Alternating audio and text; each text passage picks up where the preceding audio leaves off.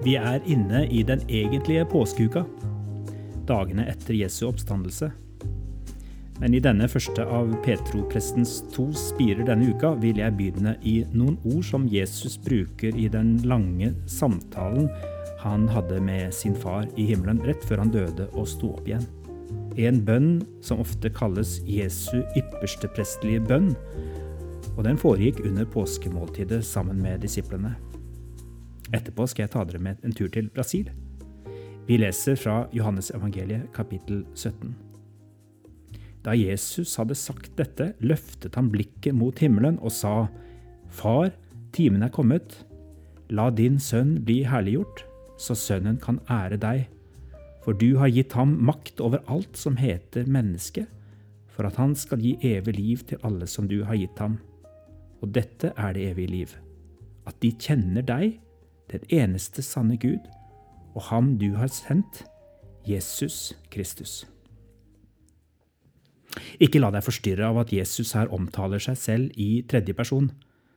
Dette er en intim samtale mellom far og sønn, med disiplene til stede. De får høre, de blir lukket inn i det intime fellesskapet med Faderen og Sønnen. Og det er ingen lukket sirkel. Den er åpen for nye disipler som skulle komme til i de påfølgende århundrene, helt fram til i dag. Det er der vi også skal få lov til å være. Hva er det Jesus sier er forutsetningen for å være en del av denne guddommelige familien? Det han kaller det evige livet, som begynner allerede her og nå. Eh, hvor er den lange listen som du og jeg må krysse av på for å bli tatt med i det gode selskapet? Det er ingen lang liste med sjekkpunkter og oppgaver, for det er ingen religion Jesus inviterer oss til. Det er en relasjon. Hva er det han sier? Og dette er det evige liv, at de kjenner deg, den eneste sanne Gud, og ham du har utsendt, Jesus Kristus. Jesus sier at han allerede har gitt sine disipler det evige livet. Det er det han har holdt på med i tre år, ved å være sammen med dem og åpenbare mer og mer av Guds ansikt, Guds herlighet. Selvfølgelig er det en del av Jesu frelsesplan at han skal dø og oppstå for vennene sine, men fokuset er ikke korset i seg selv, men det å kjenne ham som korset ikke kunne holde på, han som lever og inviterer til fortsatt fellesskap med seg. Jesus er personfokusert, ikke oppgavefokusert.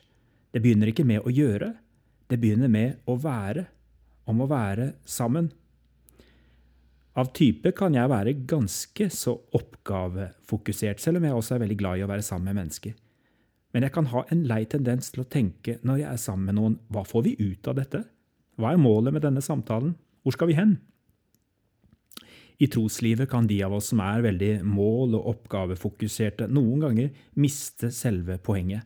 Vi må passe oss så ikke troslivet blir ensbetydende med oppgaver, tjenester og gode målsettinger.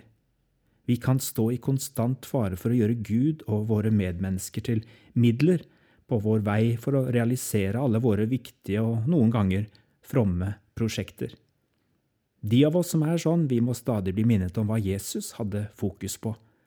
Han var opptatt av at vi skulle kjenne ham, ha en relasjon til ham, at alt annet skulle vokse ut av denne relasjonen. Hva er ditt fokus i forhold til Jesus? Er det oppgavene du skal gjøre for ham, eller er det kanskje like mye det at du oppsøker han når du trenger hjelp til å løse dine oppgaver og utfordringer, når du trenger litt drahjelp?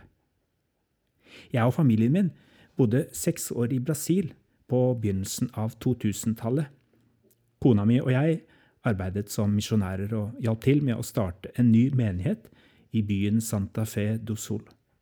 Jeg lærte mye mer av de menneskene vi var sammen med der, enn jeg klarte å lære dem en av de frivillige lederne i menigheten i Santa Fe heter Carlos.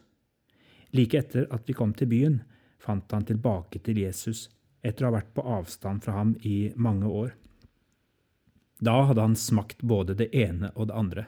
Nå var han så lykkelig over å ha funnet tilbake til sin aller beste venn, og han ble ivrig med i menighetsarbeidet. Carlos så sikkert at jeg noen dager kunne stresse meg opp med bekymringer og det jeg oppfattet som vanskelige oppgaver og utfordringer, og da slo han meg gjerne på ryggen og sa Descansa no senor, pastor. Hvil i Herren, pastor. Med det mente han å si nå må du slappe av litt og overgi litt av kontrollen til Han som har sendt deg hit til oss. Andre ganger kunne jeg være særdeles fornøyd med en tale jeg hadde holdt, eller jeg kunne kjenne at jeg virkelig hadde fått til noe, og da var jeg nok sulten på skryt og gode tilbakemeldinger. Men det var ikke alltid jeg fikk det av Carlos. Da var han mest opptatt av å gi Gud æren, for menigheten var jo ikke min fortjeneste. Han lærte meg å løfte blikket, både på gode og dårlige dager, og hvile i Guds nåde. For var det noe han hadde lært, da det hadde gått skeis med ham tidligere i livet, var det at når vi begynner å tro at kristenlivet handler om hva vi gjør og får til, når vi setter oss selv i sentrum, da står vi fort i fare for å miste alt sammen. Dette er det evige liv, at de kjenner deg. Carlos og andre nyomvendte kristne i Brasil lærte meg mye om storheten i det at Gud er en som ønsker å bli kjent med den enkelte av oss, og at Jesus åpner for et helt personlig fellesskap med Gud.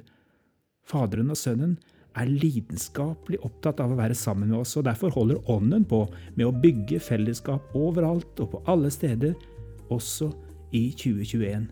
Og du og jeg får lov til å være med. På fredag vil jeg snakke litt mer om noen av vennene jeg fikk i Brasil. Ha en velsignet dag der du er.